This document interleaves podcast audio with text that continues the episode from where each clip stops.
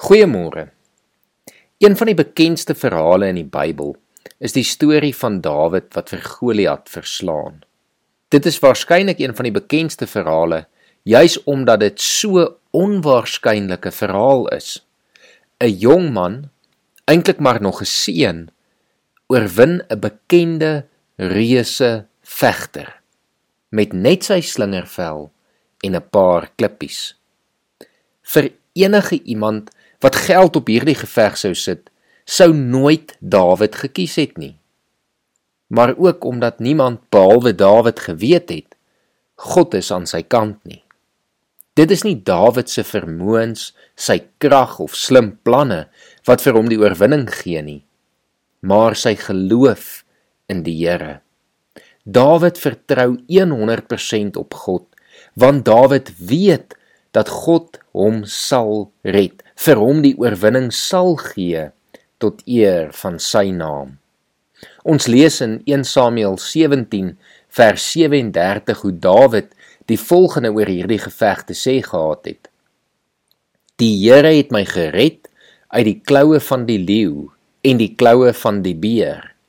Hy sal my red uit die mag van hierdie Filistyn. Ons word oorwinnaars deur God wat vir ons die krag gee wat van ons oorwinnaars maak. Daar waar ons worstel met iets die swaar kry van hierdie lewe moet trotseer onseker raak oor wat môre vir ons inhou. Dit is dan wat God in daardie onwaarskynlike omstandighede ook van jou 'n oorwinnaar kan maak. Vertrou net op hom. Onthou hy het reeds jou as oorwinnaar verklaar die dag toe jy hom as jou verlosser aanvaar het. Ons lees in Romeine 8 vers 37: Maar in al hierdie dinge is ons meer as oorwinnaars deur hom wat vir ons liefhet. En in vers 38 en 39: Hiervan is ek oortuig: geen dood of lewe of engele of magte of teenswoordige of toekomstige dinge of kragte of hoogte of diepte of enige iets anders in die skepping kan ons van die liefde van God skei nie.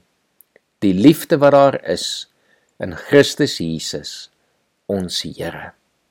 Mag jy dan vandag in oorwinning gaan leef met die wete dat niks jou van God kan skei nie.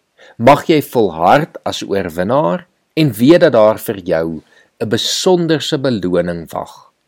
Die boek van Openbaring praat baie oor die oorwinnaars en die beloning wat elkeen sal ontvang wanneer hulle volhard.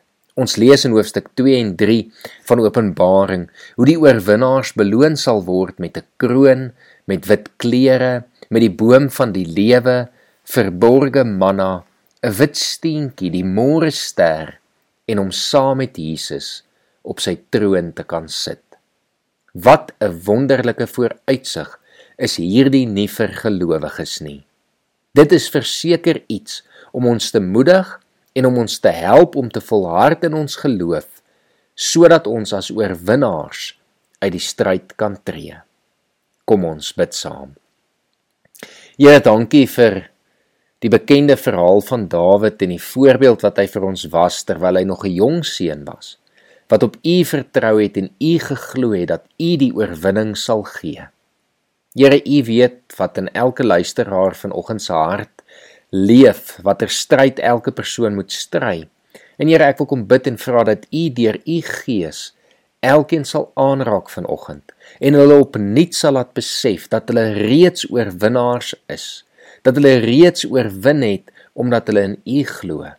En Here, dat saam met U is hulle in staat tot alle dinge. Mag U ons help om te volhard sodat elkeen van ons uiteindelik aan die einde van die stryd die beloning kan behaal. Ons bid dit in Jesus se naam alleen. Amen.